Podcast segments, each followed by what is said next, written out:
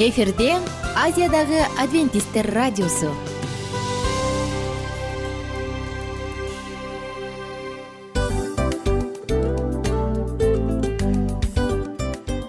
Достор салют.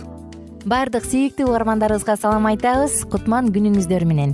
Ден соолук өмүрдүн булагы демекчи саламат саамы программасында баарыңыздарды көргөнүбүзгө абдан кубанычтабыз. Анда алгач амандашып өтөлү арбаңыздар деп. Ден соолугуңуздар кандай элибизде көбүнчө ден соолук кандай дегенде эле жакшы деп жооп беребиз э ооруп турсак дагы жакшы дейбиз. Анан мен муну айтып ойлойт элем бул абдан сонун сөз депчи анткени бул жакшы деген үмүт да э ооба баары жакшы болот. Баары сонун. Деп үмүттөнүп атып эле өзүбүздү өзүбүз дарылап коебуз. Анысы кандай? Сиздин дагы ден соолугуңуз жакшы беш деген үмүттөбүз чындыгында ден соолук бул өмүрдүн булагы деп бекеринен айтылган эмес деп ойлойм. Кыргыз элинде анткени эгерде ден соолук жок болсо анда адамдын жашоосунда калган баардык керектүү маңыздуу нерселер өзүнүн баалуулугун жоготуп коет. Ошондуктан ден соолук бул эң керектүү нерсе. Ооба туура айтасың кесиптешим. Чынында ден соолугуң жок бир эки үч күн ооруп калсаң эле э кандай болуп калат? Жашоодо көз каранды болуп каласың көп нерсеге жетишпей каласың көп нерсени кыла албай каласың жада калса эшикке дүкөнгө да чыга албай каласың. Туптуура анан ден соолук болсо демек биз биздин бактыбыз тоодой деп койсок болот. Анда достор саламат саамы рубрикабызды баштайлы. Алдыда өзүңүзгө керектүү болгон сонун кеңештерди уга аласыздар. Мына ошондуктан биз менен бирге болуңуздар. Ал эми биз болсо милан жана айнура. Кеттик алга. Алга саламат саама ден соолуктун жарчысы. Саламат саама ден соолуктун ачкычы. Күн сайын сиз үчүн мыкты кеңештер сонун жаңылыктар кызыктуу фактылар биздин рубрикада.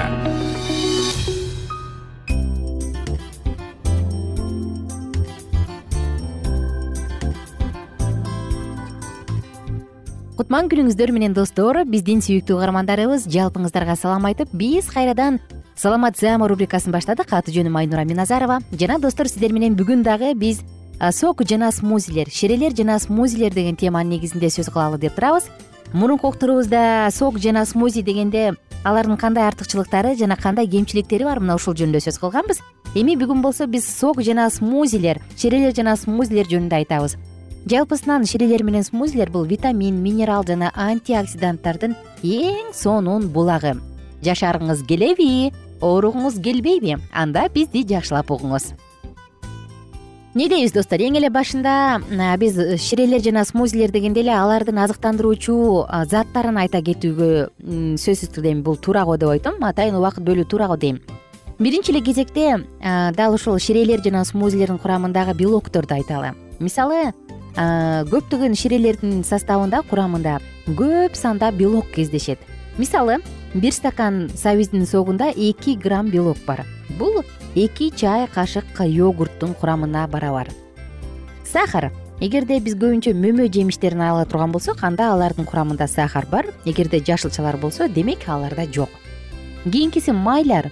Майлар бар бирок бийик сапатта ал майлар баягы алмаштырылгыс май кислотасы бар эмеспи? Омега үч деген жашыл соктордо жашыл ширелерде мына ушул сыяктуу омега үч майы бар.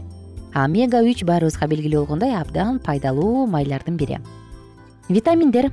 Сууда эритилген витаминдердин ичинен айта турган болсок с витамини бар.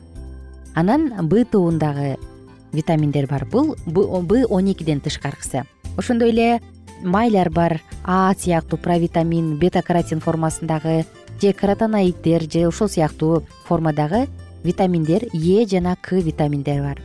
Жакынкы эле араларда к витамини адамдын остеопороз болушунан жана диабетке чалдыгышынан сактайт экени дагы далилденген. Караңызчы азыркы учурда остеопороз артроз деген оорулар ой жылдан жылга жашарып баратат э. Тизем бутум колум дегендерди көп кездештиресиң. Мына ошондуктан к же тагыраак айтканда мурунку уктуруубузда айтканбыз. Бул шпинат капуста томат деп мына ушулардын согун ширесин ичип койсо дагы жакшы.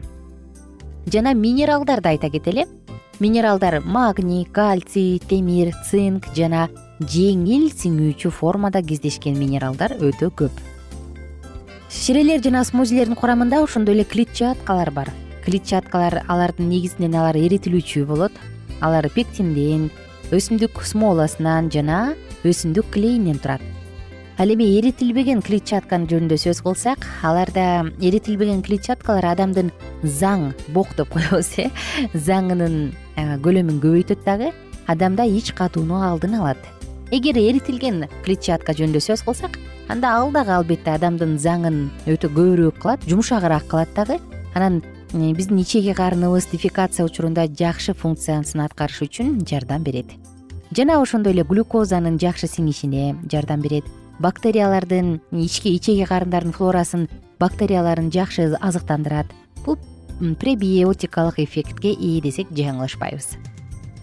Чирилер жана смузинин курамын айтсак фитохимиялык антиоксиданттар аларда ликопен полифенол антоцианин хлорофилл сыяктуу булар көп. Алар чирелердин өңүн гана боеп башка түргө боеп койбостон кызыл жашыл сары кылып организмде рак оорусунан сактайт. Жана ошондой эле дегенеративдик оорулардан жана картаюудан сактайт. Ферменттер. Ферменттер болсо адамдын ичегисинин ичеги карындарынын баардык өттүн жакшы иштешин жардам берет жакшыртат жана функциясын туура аткарышына жардам берет эми достор биз сок жана смузилерди кантип даярдаш керек ошол жөнүндө айта кетсек? Эгерде сиз смузини ширени туура жакшынакай кылып зыяны тийбегендей кылып даярдагыңыз келсе биринчи кезекте албетте жашылчаны дагы мөмөнү дагы жакшылап жууп алыш керек. Эгер алар органикалык жер семирткечтер менен өскөн болсо анда алардын сырткы кабыгын сөзсүз түрдө аарчыңыз. Жана ошондой эле бир аз бузулуп бара жаткан жерлеринин баарын кесип салыңыз. Мүмкүн болсо ичиндеги уруктарынан данектеринин баардыгын алып салганга аракет кылыңыз. Өзгөчө бул баягы розовый өңдөгү персик же алма сыяктуулар эмеспи. Мына ушулардын ичиндеги жаңгактын баарын алып салыңыз. А эгерде огурцы болсо бадыраң болсо жүзүм боло турган болсо анда алар состав аларды соктун составына кошо берсе эч нерсе болбойт. Жана ошондой эле папайя жөнүндө айтсак эгерде папайянын данеги ичиндеги сөөгү сокко кошулуп калса анда ал бир ачуураак даам берет. Бирок ошентсе дагы ал антипаразитардык касиетке ээ эми сок жана смузилерди сактоо жөнүндө айталы смузи жана сокторду колдон келишинче жаңы сыгылар менен ичкен жакшы. Бирок эгерде ал такыр мүмкүн болбой турса анда аны эки үч күнгө чейин сактаса болот. Кантип? Бир стакан сокко же смузиге лимон согунун жарымынын ширесин кошуп коюңуз. Жарым лимондун ширесин лимон абдан күчтүү антиоксидант ошондуктан ал аны соктун бузулуп кетүүсүн сактайт. Жана ошондой эле сокту смузини жабык идишке сактаңыз. Кислород витаминдердин кычкылданышына алып келет. Мына ошол себептен ал батыраак бузулуп кетет. Андан көрө сиз аны жабык идишке сактаңыз. Жана ошондой эле смузиби сокпу аны муздак муздаткычта холодильникте деп коет эмеспизби? Муздаткычта сактаңыз. Антиоксидант жана витаминдердин бузулуп кетишинен сактайт мына достор дал ушундай маалыматтар болду сиздер үчүн. Эми аз калориялуу напитоктор жөнүндө айталы э кайсы суусундуктар? Булар албетте жашыл сок смузилер. Алар жашылчалардан жаңы жаңы эле үзүлгөн жашылча жалбырактардан алат. Мына бул жашыл аз калориялуу напитоктор суусундуктар адамды адамдын организмин токсиндерден уулардан тазалайт ашыкча салмактан арылтат жана ошондой эле анын курамында кум шекер аз ошондуктан коркпой иче берсеңиз болот. Колдон келишинче эгерде сиз смузини сокту бир күндө сыгып коюп эки үч күн ичкиңиз келсе анда дагы бир жолу кайталайын. Аларды сиз максималдуу түрдө аба таза аба кирбегендей жерге караңгы жерге жана жылуу эмес муздак жерге сактаганга аракет кылыңыз бул достор биздин бүгүнкү кеңешибиз болду. Бул уктуруудан кийин эртең менен кечкисинби сөзсүз түрдө бир маал смузи ичем деп калат болушуңуз керек же сок ичем деп. Кандай болсо дагы ар бир аракетибиз ден соолугубуздун бекемделиши үчүн болсун мен болсо сиздер менен коштошом жана кийинки уктуруудан кайрадан амандашканча. Кененирээк маалыматтар үчүн үч w чекит саламат чекит клуб сайтына келип таанышыңыздар жана андан тышкары социалдык тармактарда youtube facebook жана instagram баракчаларына катталыңыз. Саламат саама ден соолуктун жарчысы. Саламат саама ден соолуктун ачкычы. Күн сайын сиз үчүн мыкты кеңештер сонун жаңылыктар кызыктуу фактылар биздин рубрикада.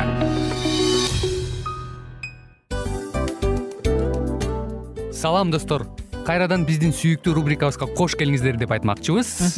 Баардык замандаштарыбызга арбаңыздар деп саламыбызды айтабыз. Улуу ушундай бир урматтаган учурашуу менен анан дил маек радио баракчабызга чакырабыз. Негизи дил маек биздин рубрикабызда эмне жөнүндө кеп кылабыз бул дил маектин мааниси эмнеде рубрикабыз менен кичине тааныштырып кетсеңиз. Сөзсүз түрдө тааныштыра кетейин кесиптешим суранычы боюнча бул учурда бул радио баракчада биз ар тарап кесип ээлеринен сонун кеңештерди алабыз сүйлөшөбүз сырдашабыз. Аталарыбыздын эжелерибиздин апаларыбыздын кеңештерин угабыз айтор. Жан дүйнөгө адамдын э, сапатына адамдын деги эле адам болуп жашашына керектүү баардык кеңештер алдыда. Негизи э, дил маек дегенде баягы эки адамдын ортосундагы сырдашуу кенен сүйлөшүү. Негизи эле биз адамдар бири бирибиз менен бир жерге жай жерге отуруп алып өзүнчө тынч э, жашоо жөнүндө өмүрүбүздө эмне болуп атканын бөлүшкөнү жакшы көрөбүз э адамдар. Ооба туура айтасың анан э, мындай учурга кээде убакыт да жетпей келет э? Же болбосо сырыңды кайгыңды муңуңду кубанычыңды айткың келет адамга ишенбешиң мүмкүн. Ооба. А бул радио баракча угармандарыбыздын чыныгы досу. Анткени бизден алган кеңеш сиздин жашооңузга чоң жардам берет. Ал эми сиздин бизге айта турган сөзүңүз ортодо гана сыр бойдон калат. Ошондуктан биздин дил маек рубрикабызга дагы бир жолу кош келиңиздер. Жана биз даярдаган маалыматтарга даяр болуңуздар. Айнура жана милан сиздер менен бирге алдыга кеттик ар түрдүү ардактуу кесип ээлеринен. Алтын сөздөр жүрөк ачышкан сыр чачышкан сонун маек. Дил маек рубрикасында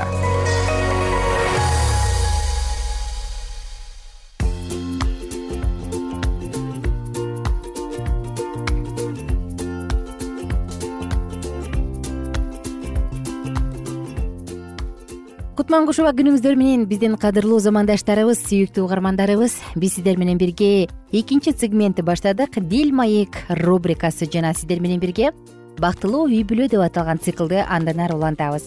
Ар бир адамдын кичимекени бул үй бүлө. Ар бир адам үй бүлөдө туулат ар бир адам үй бүлө курам деп жашайт ар бир адам үй бүлөм деп жашайт эмеспи. Биз ушундай бир социалдык адамдар болгондуктан үй бүлөсүз жашоо кыйын. Жаратуучу дагы адамга жалгыз болуу жакшы эмес деп туруп обо энени жаратып берген эмеспи э тарыхты карай турган болсок адам атага. Анысы кандай? Биз дагы кимдир бирөө үчүн жаралганбыз биз үчүн кимдир бирөө жаралган тагыраак айтканда биз дагы үй бүлө курууну каалайбыз жөнөкөй гана үй бүлө эмес бактылуу үй бүлө курууну каалайбыз. Анда достор бүгүнкү уктуруубузда сиздер менен бирге бактылуу үй бүлө деп аталган циклда сиздер менен дагы да болсо керектүү жана сонун маалыматтарды бөлүшүүгө даярбыз. Мурунку уктурууларыбызда биз жаш балдарды кантип тарбиялаш керек үй бүлөдөгү ынтымакты кантип сакташ керек биримдикти кантип сакташ керек мына ушулар тууралуу кенен маалымат айтып бергенбиз. Ал эми бүгүнкү темабыз ата энелер үчүн убадалар деп аталат. Анда эмесе алдыны көздөй жөнөдүк эгерде ата энелер өз балдарын тарбиялоодо кудайдын көргөзмөлөрүн колдоно турган болсо анда алар жогору жактан жардам алышат. Ата энелер үчүн убадалар. Кудай силерге сүйүү жана түшүнүү менен көз салып турат. Силердин сыйынууңарды угуп силердин муктаждыгыңарга жардам берүүгө даяр. Ал ар бир жүрөктүн оор кыйынчылыктарын билет жана ар бир кыйын жагдайларда силердин ишенимдүү досуңар боло алат анын ишенимдүү түбөлүктүү колдору бизди ар дайым колдойт. Ыйса жерде болгон мезгилде анын энеси болгон жакырчылык менен жана көп сандаган түйшүктөр мээнеттер жан кыйынчылыктар менен күрөшөт. Бүгүн ыйса ар бир эне үчүн жана алардын түйшүктөрү кырсыктуу иштери тууралуу кайгыларына дагы ортоктош куткаруучу кызын жин дарыган аялдын тынчсызданган жүрөктөрүн жеңилдеткен эненин сыйынуусун угат жана анын балдарын алкыштайт жесирдин жалгыз баласын көмүүгө көтөрүп бара жатышкан жеринен аны кайрадан өз энесине тирилтип кайрып берген ал бүгүн дагы өз жакындарынан айрылып жаткан энелердин кайгыларына ортоктош. Ал лазардын табытынын жанында көзүнө жаш алып аны тирилтүү менен марфа жана марияга өз бир тууганын кайрып берген. Ким мария магдалинанын күнөөсүн кечирди эле? Айкаш чыгачтын каарында кыйналып жатып ким өз энесинин камын ойлогон ким ыйлап жаткан аялдарга көрүнүп аларды өзүнүн элчилери кылды эле. Алар биринчи болуп кайра тирилген куткаруучу тууралуу жакшы кабар таратыш үчүн ал жана бүгүн дагы аялдардын жакын досу аларга баардык турмуштагы муктаждыктарын чечүүдө жардам берүүгө даяр. Аялдар эңсегендерине оор жүктөрүн анын бут алдына коюп жана анын жардамы менен күчкө ээ боло алышат. Аларды колдоп жана аларга серкиктик чечкиндүүлүк жана эң кыйын сааттарында аларга даанышмандык берет оор түйшүктөн жүдөгөн энелерге баардык кыйынчылыктарда жардам бере ала турган. Ушундай досу бар экенин билүү кандай кубанычтуу жана таттуу. Эгерде энелер ыйсага бат бат келишип жана ага көбүрөөк ишенишсе алардын жашоосу жеңилденип жана алардын жан дүйнөлөрүн тынчтык ээлемек силер кудайдын жардамысыз өз балдарыңарды туура тарбиялай албайсыңар ата энелер балдарды тарбиялоодо кудайдын көзөмөлдөрүнө таяна турган болсо анда алар жогору жактан жардам алышат. Балдарды үйрөтүү менен алар өздөрүнө сабак алышат. Алардын балдары кудайдын эркин түшүнүү аркылуу жеңиштерге жетишет. Ата энелер өз балдарыңар үчүн кайраттуулук менен эмгектенип жатасыңарбы? Асмандагы атаңар силердин мээнеттенгениңерди силердин тырышчаактыгыңарды жана кыраакылыгыңарды белгилеп жатат. Ал силердин сыйынууңарды угат. Өз балдарыңарды чыдамдуулук жана мээримдүүлүк менен кудуреттүү кудай үчүн тарбиялагыла бүт аалам силердин ишиңерге көңүл бурууда. Кудуреттүү кудай силер менен биригип силердин тырышкандыгыңардын ийгилигин жасалгалап коет. Силер өз балдарыңарга жакшы кабардын чындыгын түшүндүрүүгө аракеттенгениңерде жана аларга ыйсаны куткаруучу катары көргөзүп жатканыңарда. Ар дайым периштелер силер менен болушат. Кудуреттүү кудай аталарга жана энелерге ырайым тартуулайт. Анткени алар өз балдарына чындыгында дүйнөнүн үмүтү болгон вифлеемдеги наристе жөнүндөгү таң калыштуу окуя тууралуу айтысы керек. Ата энелер өтө зарыл эмгек аткарып жаткандыктан кудайдан жардам сурашсын жана алар аны алышат. Эгерде ата энелердин мүнөздөрү кылык жоруктары жана көнүмүш адаттары жакшы сапаттары көргөзө албаса эгерде алардын балалык жана өспүрүм курагынтарындагы алган тарбиялары мүнөздүн туура эмес өсүшүнө алып келген болсо ошондо дагы алар көңүл чөгөрбөшү өтө зор мааниге ээ кайрылуучу кудайдын күчү тукумдан бери келе жаткан же чогултуп алган туура эмес мүнөздү өзгөртө алат. Анткени куткаруучунун багыты жогорулатат. Эгерде силер чакырык менен кайрылсаңар кудай силерге жооп берет. Ал айтат мен мына менин сен үчүн эмне кылып берүүмдү каалайсың? Аман жер менен урушчалык байланышкан. Ар бир жан өз иштерин аткара алат. Теңир балдарды сүйөт жана ал балдардын жогорку чакырыкка түшүнүп тарбиялануусун каалайт. Адамдын аракетисиз кудайдын аракети пайдасыз. Кудуреттүү кудай өз күчү менен качан гана ата энелер өздөрүнө берилген жоопкерчилигин сезгенде жана өз балдарын туура тарбиялоого аракеттешкенде гана аракеттенет. Ал өз көз карандылыгын андан сезген мээнеткечтик сыйынуу менен балдарын тарбиялаган ата энелер менен бирге ишенишет. Бир гана адамдык күч аракет силердин балдарыңарды асман үчүн жеткилең мүнөзгө ээ болууга мүмкүнчүлүк бере албайт. Бирок кудайдын жардамы менен өтө олуттуу жана ыйык иш аткарууга болот. Аталар жана энелер өз өмүрүңөрдөгү эң негизги иш катары өз балдарыңардын мүнөздүн жеткилеңдетүүгө адамга кудай менен биргелешкендеги жардам берүү мүмкүнчүлүгү канча болсо ошолордун баардыгын тырышуу менен жеткирүүгө аракеттенишкени жакшы болот. Кымбаттуу достор ата эненин мойнунда эң чоң жоопкерчилик бул асман үчүн бейиш үчүн бала тарбиялоо. Мына ошондуктан ар бир ата энеге жаратуучубуз күч берсин ар бир ата энебизге жаратуучубуз батасын берсин туура тарбиялаш үчүн. Мен болсо сиздер менен коштошом кайрадан амандашканча бар болуңуздар. Ар түрдүү ардактуу кесип ээлеринен алтын сөздөр жүрөк ачышкан сыр чачышкан сонун маек дил маек рубрикасында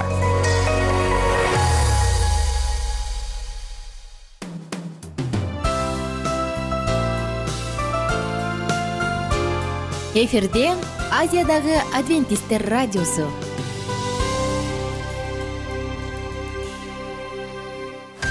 Жан дүйнөңдү байыткан жүрөгүңдү азыктанткан жашооңо маңыз тартуулаган жан азык рубрикасы.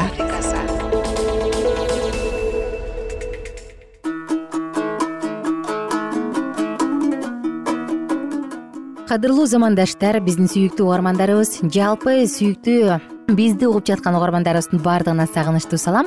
Сиздер менен бирге жан азык рубрикасындабыз жан дүйнөбүздү азыктандырып маанилүү сонун маалыматтарды бирге тыңдайлы. Анда эмесе саатыбызды уланталы. Эсиңизде болсо мурунку уктурууларыбызда биз лука жазган жакшы кабардан окуп жатканбыз. Бүгүн андан ары улантабыз. Лука жазган жакшы кабар тогузунчу бөлүм. Жыйырма үчүнчү аяттан тарта. Ыйса бардыгына кайрылып ким менин артымдан ээрчигиси келсе өзүнөн баш тартсын жана күн сайын өзүнүн айкаш жыгачын алып менин артымдан ээрчисин. Ким өз жанын сактап калгысы келсе ал андан түбөлүккө ажырайт. Ал эми ким мен үчүн өз жанынан ажыраса ал аны сактап калат. Анткени адам бүт дүйнөгө ээ болуп бирок өз жанын жоготсо же өзүнө зыян келтирсе ага андан эмне пайда ким менден жана менин сөздөрүмдөн уялса адам уулу да өзүнүн атасынын жана ыйык периштелердин даңкы менен келгенде ошол адамдан уялат силерге чындыкты айтып коеюн бул жерде тургандардын кээ бирөөлөрү кудайдын падышачылыгын көрмөйүнчө өлүшпөйт деди. Бул сөздөрдү айткандан кийин сегиз күндөй өткөн соң ыйса петирди жаканды жакыпты ээрчитип сыйынуу үчүн тоого чыкты сыйынып жатканда анын жүзү өзгөрүп кийими аппак болуп жаркырап калды. Ошол учурда ыйса менен эки адам сүйлөшүп жатты. Алар муса менен ильяс эле. Асман даңкы менен келген алар ыйсанын иерусалимде аткара турган иши өлүмү жөнүндө сүйлөшүштү. Петирди жана анын жанындагыларды болсо катуу уйку басты. Бирок алар ойгонуп кетип анын даңкын жана аны менен турган эки адамды көрүштү эки адам ыйсанын жанынан алыстап бара жатканда петир ага устат бул жерде болуу жакшы экен. Үч алачылык тургузалы сага бирди мусага бирди ильяска бирди деди. Бирок өзүнүн эмне деп жатканын билген жок. Петир сүйлөп жатканда булут пайда болуп аларды каптап калды. Булут чулгаганда алар коркуп кетишти. Ошондо булут ичинен бул менин сүйүктүү уулум аны уккула деген үн чыкты. Ушул үн угулгандан кийин ыйса жалгыз калды.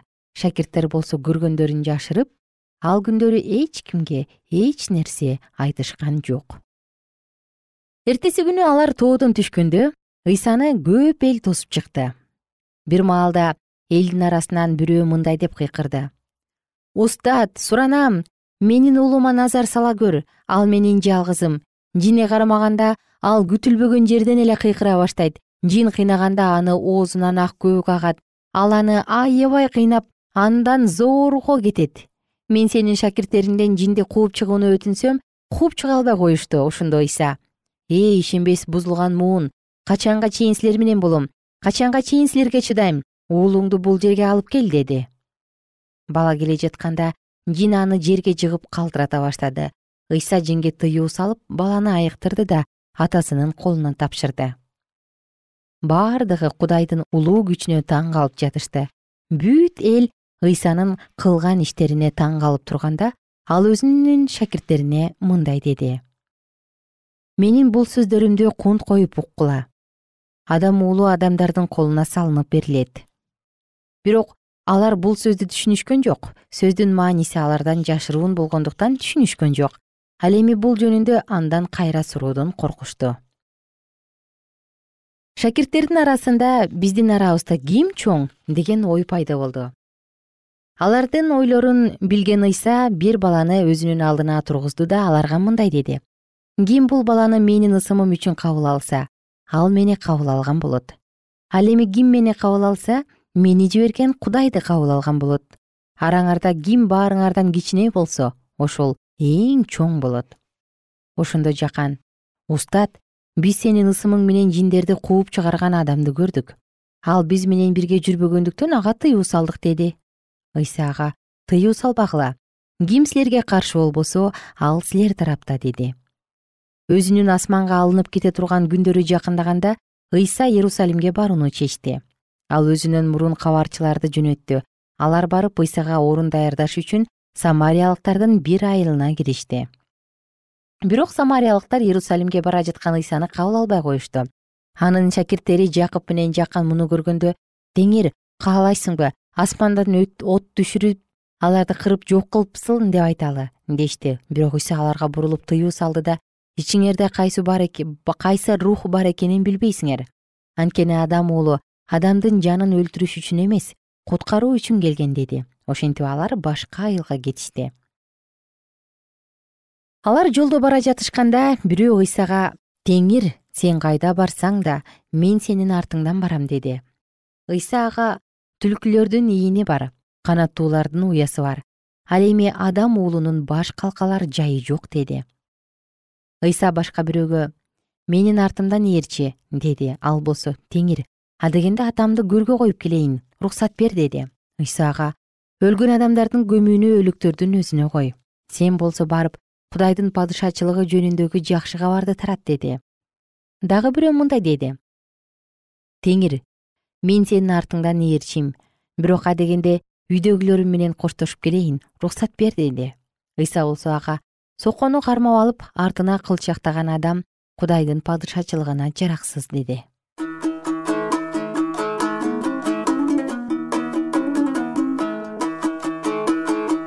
ардактуу угарман мынакей бүгүн дагы сиздер менен бирге лука жазган жакшы кабардын тогузунчу бөлүмүн бирге тыңдадык.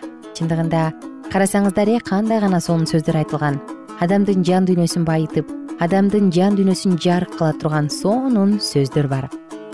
А сизчи сиз ыйса машаякты ким деп эсептейсиз? Мүмкүн сиз үчүн жөн гана пайгамбарлардын биридир. Бирок ыйса жер жүзүнө эмне үчүн келгендиги тууралуу биз кийинки уктурууларда кененирээк сөз кылабыз. Ал эми азыр болсо угармандар сиздер менен коштошчу учурга келдим. Кайрадан амандашканча бар болуңуздар күнүңүздөр көңүлдүү улансын. Жан азык уктуруусу жан дүйнөбүздү азыктандыралы. Бүгүн ушул уктурууда уккан сөздөрдүн ар бир сабы тууралуу ар бири тууралуу келиңиздер. Бир күн кечке ойлонуп жан дүйнөбүздү азыктандыралы. Кайрадан амандашканча бар болуңуздар күнүңүздөр көңүлдүү улансын биз сиздерди жакшы көрөбүз жана кийинки уктуруудан дал ушул жыштыктан күтүп алабыз. Күнүңүздөр көңүлдүү улансын.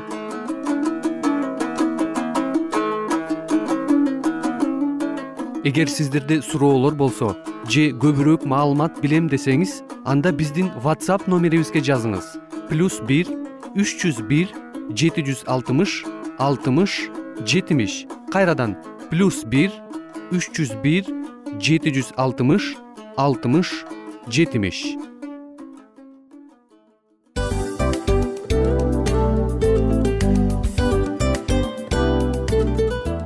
Мына ушинтип убакыт дагы тез өтүп кетет экен биз дагы радио уктуруубуздун аягына келип жеттик. Келип кубандырдыңар эми кетип кубандыргыла деп тамашалап калышат эмеспи анысы кандай? Радио баракчабызды программабызды азыр эле баштап аткандай болдук элек мына соңуна келдик э? Негизи убакыт э, билинбей өтүп кетет экен?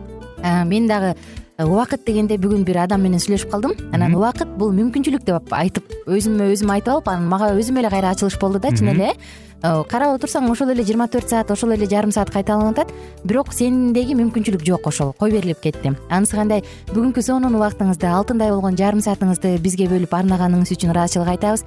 Анан жашооңуздун кайсы бир сферасын өзгөртө турган сонун пайдалуу кеңеш алган болсоңуз анда биз максатыбызга жеттик. Анан ушул нерсени кылбасам десеңиз ошол өзгөрүүлөрдү кичинекей кадамдардан баштап иш жүзүнө ашырыңыз дагы жашооңузда чоң чоң ийгиликтерге жетиңиздер чын жүрөктөн ар бир берилген кеңештер сөздөр сиздерге пайдасын алып келет деп ишенебиз. Жана кийинки уктурууларда сөзсүз түрдө чыдамсыздык менен сиздерди күтөбүз. Сагынычтуу салам айтып кайрадан дал ушул жыштыктан баардыгыңыздарды тосуп алганча. Кызматта мен айнура жана кесиптешим милан. Анда кол пул каалайбыз жалпыңыздарга ийгиликтүү күн. Саламатта калыңыздар